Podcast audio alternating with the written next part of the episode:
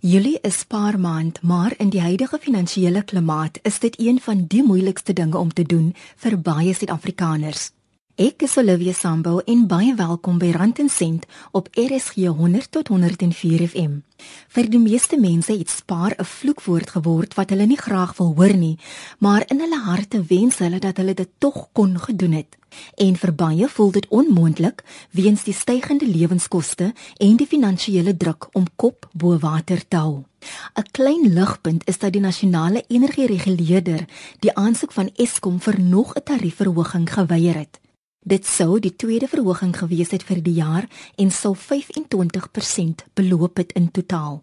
Weens elektrisiteit wat al hoe duurder word en ook beurtkrag van Eskom, begin verbruikers al hoe meer na ander alternatiewe soek om krag en sodoende geld te spaar. Hoewel die gebruik van sonpanele al hoe meer toeneem, is dit steeds te duur vir baie mense. Daar is egter opsies beskikbaar vir verbruikers wat dit nie kan bekostig nie. Dit is iets waaraan meeste mense of meeste diensverskaffers in Suid-Afrika hard aan die werk is, is om dit moontlik te maak vir die kliënt om sonkrag en um hierdie hybrid solutions te installeer. En natuurlik die eerste opsie is nou kontant en dan eintlik wat daarmee gepaard gaan is finansiering. So jy kan natuurlik na 'n bank toe gaan en sê ek wil 'n sekere stelsel op my dak sit met 'n sekere omsetter en batterye en dan kan hulle dit finansier vir jou. Dit is die tweede opsie. Die derde opsie is om die, om die hele stelsel te huur en veral in kommersiële stelsels word dit alreeds baie gedoen.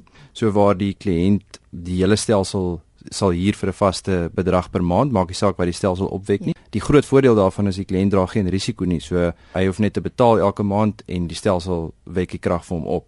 Ja, die groot ander voordeel is hy's kontant vloei positief van dag 1 af. So hy betaal vir argumentsonthaalwe R1000 'n maand vir die huur, maar die stelsel wek R1500 op, so hy spaar vandag eenaf R500 per maand. En so sê Charles Du Plessis, die hoof van residensiële installerings by Energy Partners in Kaapstad.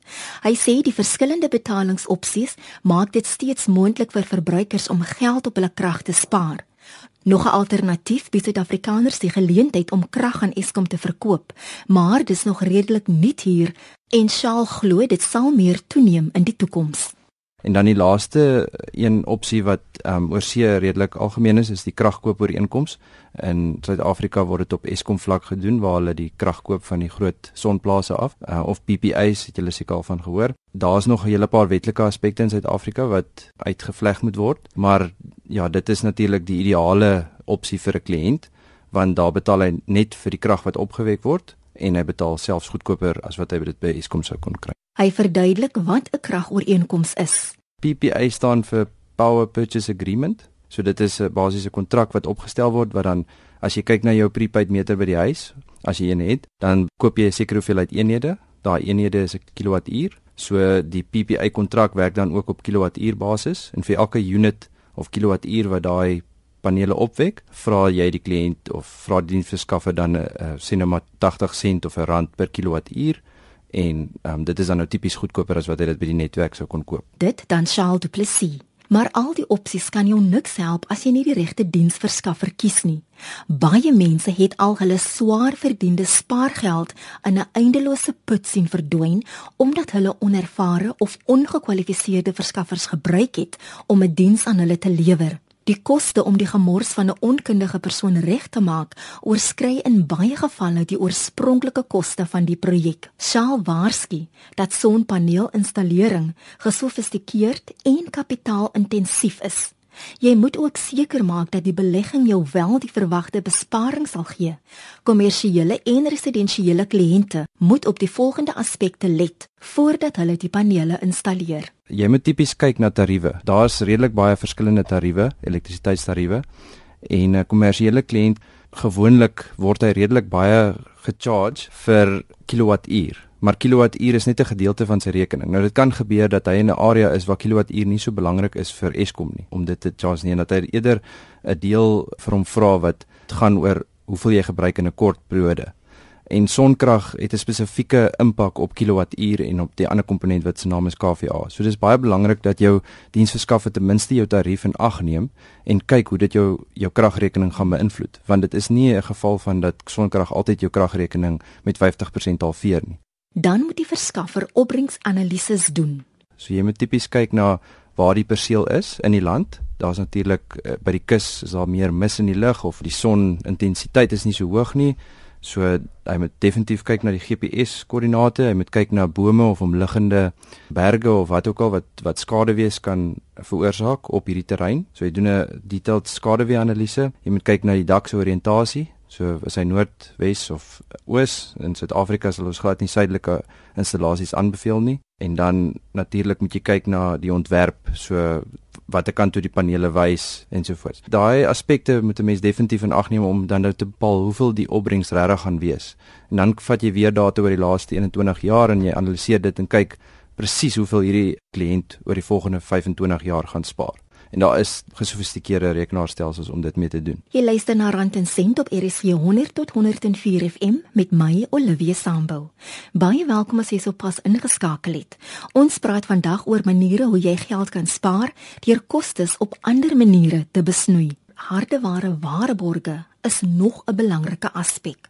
Om die gelykstroom om te skakel na wisselstroom, het jy 'n omsetter en gelykstroom kom natuurlik van die panele af en dan wisselstroom wat jy via die netwerk of in die laste um, instoot. En dis natuurlik baie belangrik om die regte omsetter te hê. En jy kan 'n omsetter van oorsee af bestel teen baie goedkoop maar jy weet nie hoe lank hy gaan hou nie. So dis baie belangrik vir die kliënt wat sonkrag wil installeer om te vra vir die diensverskaffer luister hoe hoe lank gaan jy hierdie omsetter waarborg? En is dit 'n 'n waarborg waar jy hom gaan vervang of of gaan hy hom kom uithaal en dan 3 maande vat om hom reg te maak? En dan moet hy natuurlik ondersteuning bied na die installasie. Jy weet vir 'n kommersiële installasie sou ek definitief aanbeveel 2 tot 3 jaar na die installasie moet hy nog aktief 'n kontrak hê om te kom kyk na sekere goed op die perseel en sekere goed rondom data te analiseer en te kyk of hierdie stelsel wel volgens spesifikasie opbrengs lewer. Residensiële kliënte moet ook verder let op die grootte van die stelsel, want dit moet genoeg krag opwek om in jou behoeftes te voorsien.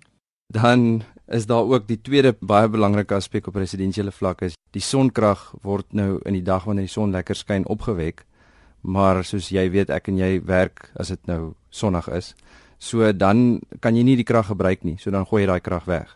Die term daarvoor nou reg oor die wêreld self consumption dis waarop die fokus nou kom.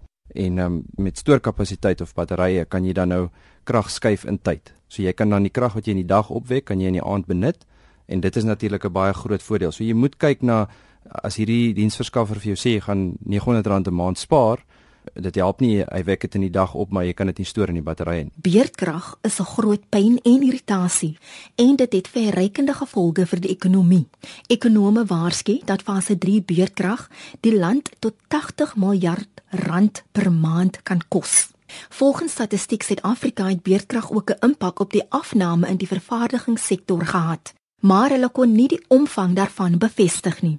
Beurtkrag kan jou ook beroof van waardevolle sente wanneer beskadigde toestelle vervang moet word weens die te vinnige oplewing van krag wat deur jou toestelle vloei as die krag onverwags teruggeskakel word. Indien jy wel 'n sonpaneelstelsel het, moet jy ook weet wat die batteryleeftyd is, want dis wat die ligte tydens beurtkrag aanhou. Die ander vraag is, hoe lank gaan hierdie batterye hou? Hoeveel siklusse kan jy hanteer?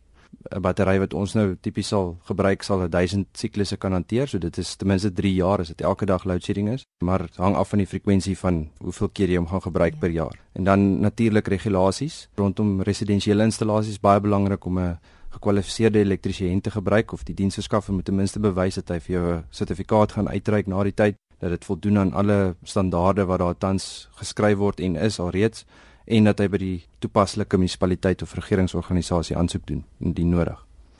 Dit was Charles Du Plessis van Energy Partners in Kaapstad. Jy is ingeskakel op Rand en Sent op RSG 100 tot 104 FM met my Olivia Sambu. Ons praat vandag oor die verskillende maniere hoe jy geld kan bespaar. Jy kan deelneem aan die gesprek deur met 'n e-pos by olivia.sambu@gmail.com.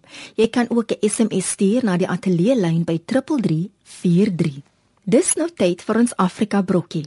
Vandag gesels ons met Henny Heymans, bestuurende direkteur van 'n internasionale koeriermaatskappy. Hulle bedryf nou al jare sake in Afrika en het geweldige ontwikkeling op die vasteland gesien. Hy sê hoewel gebrekkige infrastruktuur steeds 'n probleem is, sien hulle egter baie verbeteringe. Wie die groot ding vir ons is maar net in terme van ons investeringsprograms om seker te maak dat ons meer investeer in terme van uh, die konnektiwiteit. Ehm um, jy weet ons dan ook 13 van van ons eie uh, vliegtye wat ons oor die kontinent opereer en dit is dan nou ook as 'n teenvoeter vir hierdie gebrek aan infrastruktuur. Ons probeer dan ook waar moontlik aan dingskrams deelneem saam met die verskillende regerings waar ons dan ook ons insette lewer. Hoe ons dink hulle kan te werk gaan om hierdie probleem die hoof te bied. Henny sê hulle wil bitter graag die persepsie van Afrika as die donker vasteland verander. Hy praat met lof van regerings wat groei en ontwikkeling in hulle lande stimuleer. 37 jaar gelede was dit uh, intendeel baie moeiliker as wat dit vandag is en ons sien vandag 'n absolute verskywing waar die regerings al hoe meer reg oor Afrika besef dat dit is hulle eie belang en medium en langtermyn belang om dit baie makliker te maak vir besighede om handel te dryf.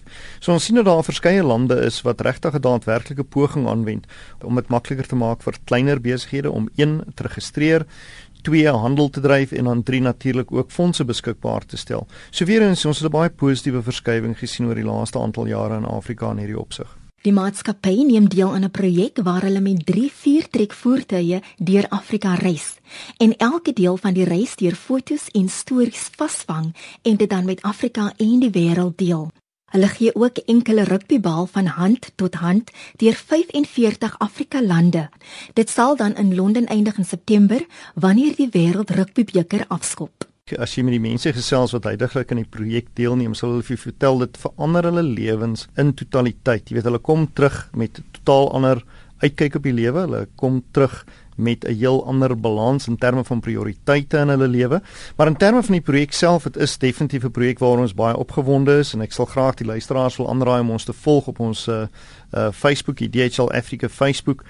Henny raak opgewonde oor die moontlikhede op die vasteland en nooi mense uit om die kontinent te verken. Jy weet ek dink ons verkies daarna om deur 'n verskillende bril te kyk. Uh, as ons na onsself kyk en wanneer ons na Afrika kyk. En die beste manier om dit te ondervind, jy weet ek gesels altyd met mense en sê o, ek wil vreeslik graag Europa toe gaan of ek wil vreeslik graag Amerika toe gaan en ek vra graag vir mense, "Of wanneer laas het jy bietjie deur die kontinent gereis?" Hierdie kontinent het so ryke geskiedenis, dit het so ryke erfenis. Dis absoluut gestrooi met geleenthede vat die kans gaan reis Afrika, word deel van Afrika en word deel van Africa is rising. Dit was Henny Heymans wat met ons gesels het oor sy ervarings in Afrika. Spaar is nie een van Suid-Afrikaners se sterkpunte nie en die meeste gesinne se uitgawes ver oorskry hulle inkomste. Meer mense begin ook hulle werk te bedank om toegang tot hulle voorsorgfonds te kry. Dit het daartoe gelei dat die geld wat hulle uiteindelik met hulle aftrede kry te min is om van te leef en dan raak hulle afhanklik van die regering. Om die rede het die regering met die pensioenhervormingsplan vorendag gekom. Sanlam het 'n studie wat hulle elke jaar uitbring, die Sanlam Biennial Survey. Hierdie studie gaan al meer as 20 jaar terug. En elke jaar kyk hulle hoeveel kere mense oor gemiddeld oor hulle lewenstydperk bedank. Vir baie jare was die gemiddelde 7 keer gewees. So met ander woorde 7 keer in jou werksloopbaan sal jy bedank en gewoonlik die meeste van die kere sal jy geld in kontant geneem het. Wat hartseer was is dat dit nou van 7 maal na 8 maal toe verander het in die laaste 2 jaar se studies. Wat beteken meer mense kontant vat en dat die kontant wat hulle vat is baie minder op 'n slag. Hulle voel nie die impak daarvan nie, maar die dag dat hulle aftree het hulle basies geen geld gespaar nie of te min gespaar. Dit dan Gerard Klinger, die hoof van klein sake handel by Tenex Beleggings in Kaapstad. Die grootste probleem was rondom voorsorgfondse. As 'n lid aftree die dag en hy tree af in die vorm van 'n voorsorgfonds, kry hy al sy geld in kontant. Hy gaan natuurlik sy belasting betaal, maar wat hy dan oor het, mag hy doen wat hy wil. En een van die groot probleme is dat ons is 'n land wat spandeer eerder as om te spaar. En baie van die studies in die verlede het al gewys dat hierdie geld hou nie lank nie. Dit gaan verlore. Dit word onnodig in verkeerde produkte belê, dit word gespandeer op luksere en dan moet die lid terugval op die staat. En die staat kan dit nie meer bekostig nie. So die staat wil alles probeer doen om lede aan te moedig om te spaar en vir so lank as moontlik om te spaar, maar dan ook tweedens die dag hulle aftree dat hulle na hulle self kan kyk met die geld wat hulle gespaar het. Die regering het verskillende beginsels ten doel met die aftree hervormingsplan. Die eerste beginsel is dat almal met 'n inkomste hê as hulle die dag aftree eerder as 'n enkel bedrag wat in kontant vat. Dis maar net die gelykheid tussen die pensioen en uitredensaniteite. Die tweede beginsel is dat almal met dieselfde voordeel kry in terme van belastingaftrekbaarheid. En en van die wetgewing wat hierdie jaar sou ingekom het maar nou uitgestel is na of volgende jaar of jaar daarna is dat die belastingaftrekbaarheid 'n 27.5% van 'n lid se totale inkomste sal wees. Huidigelik is daar verskille tussen 20%, 27.5% en die 15%. Die moeilikste beginsel om te implementeer is om seker te maak dat die lid sal spaar vir aftrede. 'n Mens kan nie iemand dwing om voorsiening te maak vir 'n aftrede as hulle nie genoeg geld verdien om dit te kan bekostig nie.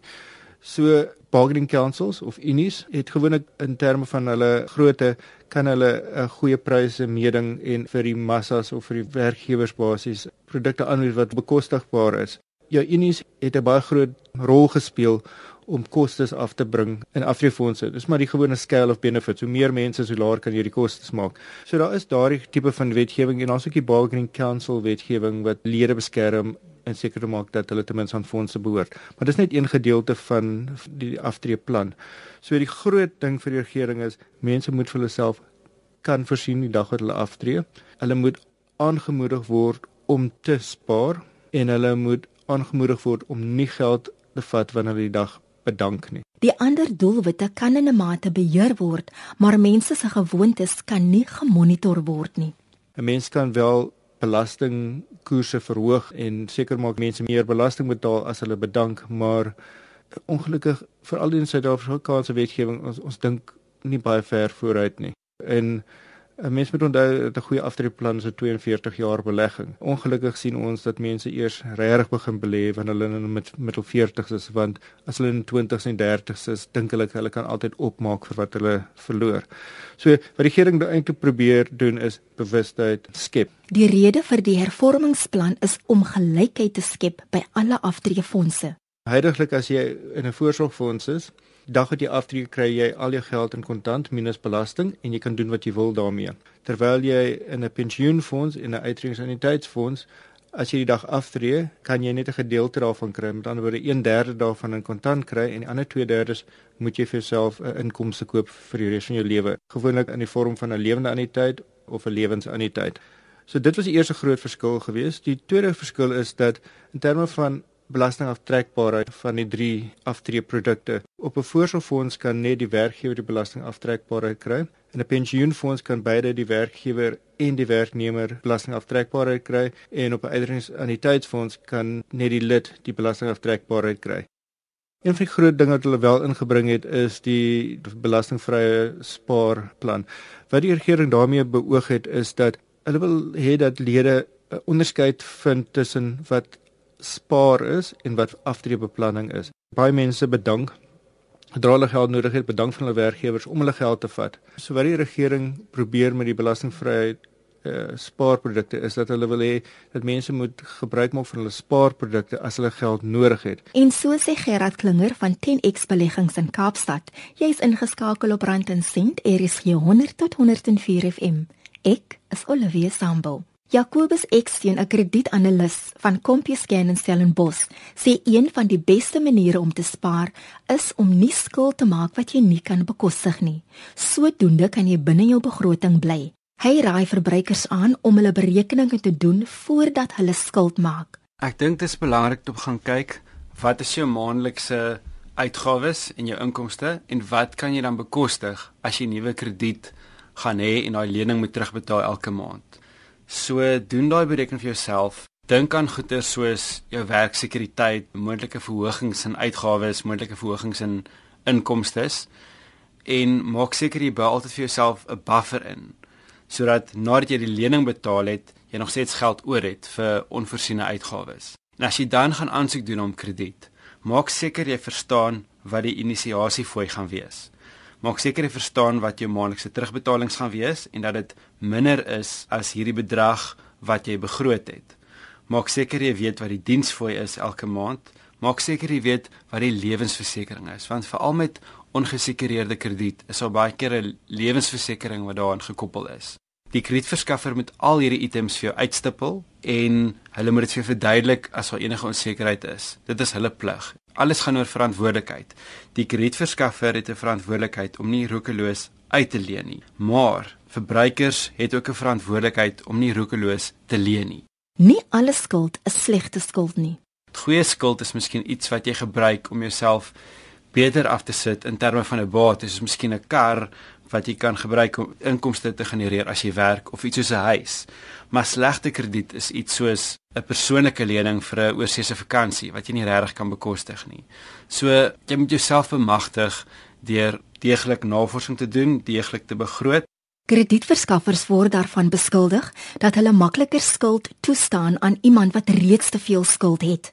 Mense met geen skuld sukkel ook baie om krediet by verskaffers te kry omdat hulle nie 'n rekord het nie. Dit dompel verbruikers egter net dieper in die skuldmoeilikheid, maar jy hoef nie noodwendig te verdrink voordat jy skuld kan maak nie. As jy nog nie krediet het nie, dan voel kredietverskaffers dat jy eers moet bewys dat jy goeie risiko is voordat jy 'n groter bedrag kan leen. So dit plaas mense in 'n moeilike situasie. Wat baie mense nie weet nie, is dat dit nie net kredietverskaffers is wat inligting stuur vir kredietburo's nie. So as jy 'n selfoonrekening het, dan help dit om jou kredietprofiel te bou. As jy 'n DStv rekening het, help dit om jou kredietprofiel te bou. So jy kan sê jy kyk nie rugby nie, jy bou jou kredietprofiel. Derdens, iets soos 'n kredietkaart wat net goed bestuur word, help in jou kredietprofiel. En wat mense dan meestal doen is om stelselmatig 'n kredietprofiel op te bou deur te begin met iets soos 'n selfoonrekening, dan te gaan na 'n kredietkaart, miskien 'n klere rekening, later dalk 'n voertuiglening en dan dalk selfs 'n verband. Baie skuld beteken ook nie noodwendig dat jy outomaties meer skuld kan aangaan nie. Is waar dat as jy geskiedenis het, is dit makliker om krediet te kry, maar sodra jy agterstallig gaan raak op rekeninge of jy kry slegte verwysings, dan is meer inligting nie beter nie. Meer goeie inligting is beter, meer slegte inligting is slegter. Verbruikers wat in die moeilikheid is, moet so gou moontlik met kredietverskaffers gaan praat. Kyk, kredietverskaffers wil ook hulle geld terug hê, maar hulle wil 'n volhoubare verhouding met jou hê. So hulle sal geneig wees om te onderhandel.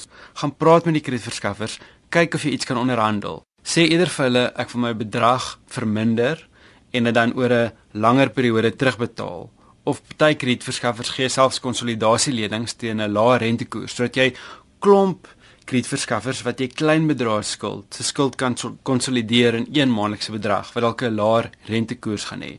So praat met die kredietverskaffer voordat hulle oorgaan tot aksie want as jy eens oorgegaan het tot aksie en jou rekening afgeskryf het of oorhandig het aan 'n prokureur of 'n skuldinvordraer dan begin die kostes ophoop en dan raak dit al hoe moeiliker en moeiliker Die sogenaamde swartlys is bekend aan die meeste verbruikers maar Jakobus sê dis 'n totale mite Baie mense dink daar's iets soos 'n swartlys so hulle dink daar's 'n lys van mense wat nie betaal nie en as jy op daai lys is dan gaan jy nooit krediet kry nie Uh, dit is nie waar nie. Kredietburo's hou beide positiewe en negatiewe inligting.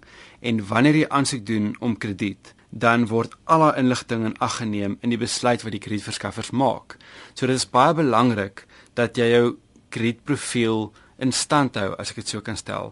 So jy kan een keer 'n jaar vernuut jou kredietprofiel trek by elkeen van die vier groot kredietburo's en dit is baie maklik. Ehm um, byvoorbeeld ek weet by CompuScan kan mense net na ons webwerf toe gaan, hulle kan die kredietrekord trek en hulle kan ons laat weet as er enige verkeerde inligting is. Dan kan hulle seker maak dat rekeninge wat agterstallig is betaal word sodat enige slegte verwysings verwyder kan word en dit sal hulle dan ook help om meer bemagtig te wees as hulle aansoek doen om krediet. Dit was Jacobus Eksteen van CompuScan.